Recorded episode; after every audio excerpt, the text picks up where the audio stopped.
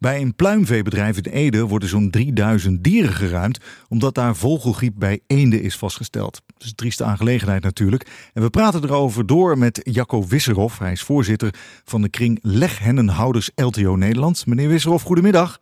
Goedemiddag. Ja, een ruiming in Ede dus vanwege de constatering van vogelgriep. Wat betekent dit nu voor de bedrijven in de directe omgeving?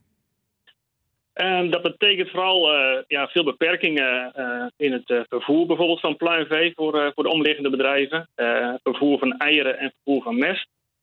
dat wordt allemaal aan, aan beperkingen onderhevig. Omdat we toch willen kijken of we zo niet het virus verder willen laten verspreiden door het vervoer van allerlei zaken. het betekent ook veel zorgen bij de ondernemers in, het, in het gebied. Omdat we toch ja, met meer pluimveehouders in dat gebied zitten als, uh, als bijvoorbeeld in de andere gevallen die in Nederland uh, geweest zijn. Uh, het is een pluimveedicht gebied. Ehm, ja, het is vooral zorgelijk om te kijken dat het virus niet verder verspreid wordt. Ja, nou zegt de Nederlandse Voedsel- en Warenautoriteit dat zes andere pluimveebedrijven in een straal van één kilometer, die zijn niet in contact geweest hè, met, het, met het bedrijf. Heeft dat, ja, he, wat, heeft dat voordelen? Ja, natuurlijk. Uh, we zijn natuurlijk uh, de laatste tijd al erg voorzichtig met, uh, met contacten op bedrijven.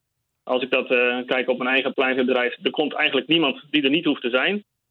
en dat zullen andere, andere ondernemers natuurlijk ook doen. Je weet al dat er vogelgriep heerst in andere delen van het land en zelfs in heel Europa.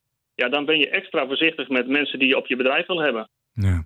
Nu geldt er al sinds oktober een ophokplicht. Hè? En hoe verklaart u dan dat er nou zo bijna eind januari toch weer een uitbraak plaatsvindt in Ede. Ja, dat is, uh, het virus is uh, erg hardnekkig. Het komt erg veel voor in de natuur. als je kijkt naar het kaartje wat bijvoorbeeld op Google Maps staat, hoeveel dieren er gevonden worden in de natuur. Ja, dat is echt heel veel. Dus dat betekent dat er gewoon veel virus aanwezig is in, in Nederland. En ja, we weten ook dat virussen verder kunnen komen als, als een paar meter door ze dat ze vaak uh, meegaan op bijvoorbeeld uh, mistdruppeltjes of op veertjes. Uh, en zodoende ja, komen ze dan waarschijnlijk toch nog de stal in. Ja, dus het komt eigenlijk zomaar uit de lucht vallen dan, zegt u? heel gek gezegd wel, ja. Het komt echt uit de lucht vallen. Dat zie je nu ook, zeg maar, ineens midden in Ede. Ja, kijk, we verwachten het een, een, klein beetje al in waterrijke gebieden. Want daar leven natuurlijk erg veel watervogels die ook het virus bij zich dragen. Maar nu zien we het toch ineens ja, midden op de Veluwe toch ook ineens uh, opdoemen, opdoemen. Ja. En wat kunnen hobbyhouders nu het allerbeste doen om jullie pluimveehouders te helpen?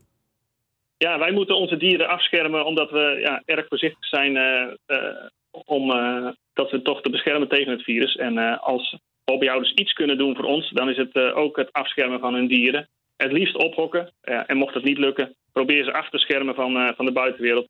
Met in ieder geval een gaas om, het, om de ren heen en een, en een dak erop.